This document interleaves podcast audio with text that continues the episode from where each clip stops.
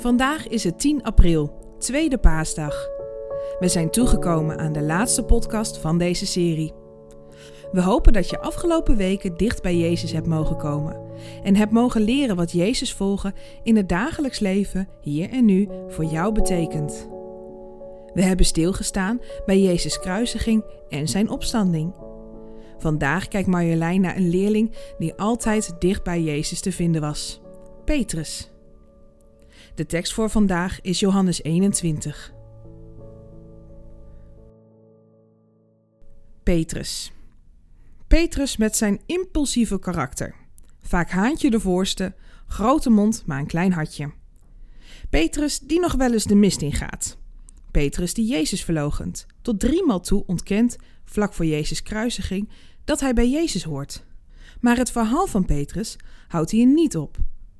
Want Jezus leeft. Hij is opgestaan. En Petrus is als een van de eerste leerlingen bij het lege graf van Jezus. Hij zag het lege graf met de opgevouwen linnen doeken en hij geloofde in de opstanding van Jezus. Inmiddels is het een tijdje geleden dat Jezus is opgestaan uit het graf. Hij heeft zich al verschillende keren geopenbaard aan zijn leerlingen en een aantal is nu aan het vissen in het meer van Tiberias in Galilea. De vissen willen echter niet bijten en de hele nacht vangen de leerlingen niets. Ochtends staat daar een man aan de kant die om hun aandacht vraagt. We lezen in Johannes 21, vers 5. Hij riep: Hebben jullie iets te eten, jongens? Nee, antwoordden ze.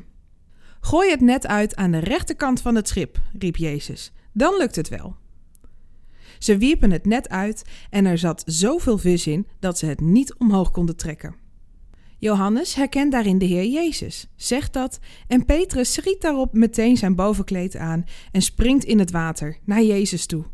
Hij is zo enthousiast dat hij niet eens het geduld heeft om rustig in de boot te blijven zitten en richting Jezus te varen. Zou hij nu leven, dan zou hij in zijn zwembroek en t-shirt aan met de borstkrol naar Jezus toegesneld zijn. Opnieuw dat impulsieve en liefdevolle van Petrus naar Jezus toe. Als een kind dat niet kan wachten zijn vader weer in de armen te sluiten. Jezus ziet dit ook, dit bijna kinderlijke enthousiasme en oprechte liefde van Petrus. Maar Jezus ziet het niet alleen, hij geeft Petrus ook de kans om het uit te spreken, om te laten horen dat hij echt voor Jezus kiest. Simon, zoon van Johannes, heb je mij lief, meer dan de anderen hier? Petrus antwoordde: Ja, heer, u weet dat ik van u houd. Hij zei: Wijd mijn lammeren. Nog eens vroeg hij: Simon, zoon van Johannes, heb je me lief? Hij antwoordde: Ja, heer, u weet dat ik van u houd. En Jezus zei: Hoed mijn schapen.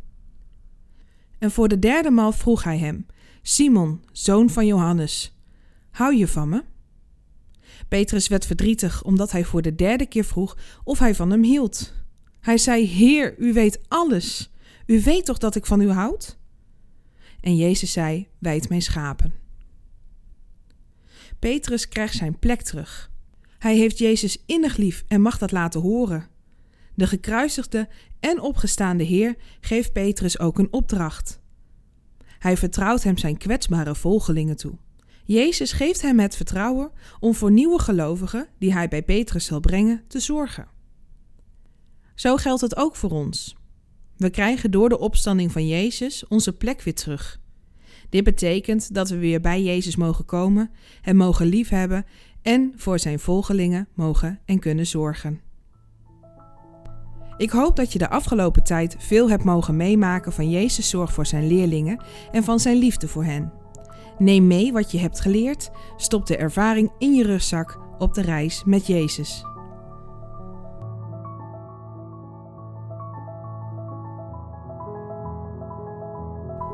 Leuk dat je luistert naar 40 dagen hier en nu. De podcast die je wil helpen om Jezus te volgen in jouw hier en nu. Deze podcast is een initiatief van Verre Naasten, Lume, LPB Media en Kerkpunt. Wil je meer weten over deze podcastserie? Ga naar 40dagenhierennu.nl. Voor de Bijbelteksten in deze podcast gebruiken we de MBV 21 van het Nederlands-Vlaams Bijbelgenootschap.